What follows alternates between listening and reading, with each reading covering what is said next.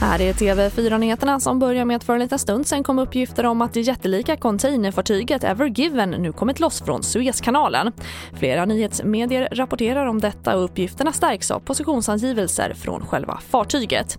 Ever Given har stått på grund i knappt en vecka och blockerat all trafik genom kanalen. Och polisen använder spionprogram i betydligt högre utsträckning än vad som förutsågs när lagen infördes, det rapporterar Ekot.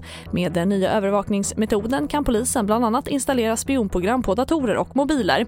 Och på knappt ett år har domstolarna beslutat om nära 500 ansökningar om att få använda metoden, vilket är upp till fem gånger så mycket som man hade räknat med.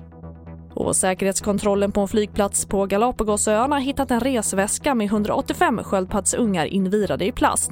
Arten är utrotningshotad och troligen skulle ungarna smugglas till Asien där de kan säljas för tiotusentals dollar styck. Ingen misstänkt är ännu gripen och de 175 överlevande sköldpaddorna ska tas om hand av Galapagos nationalpark. Och det var det senaste med TV4 Nyheterna. Jag heter Charlotte Hemgren.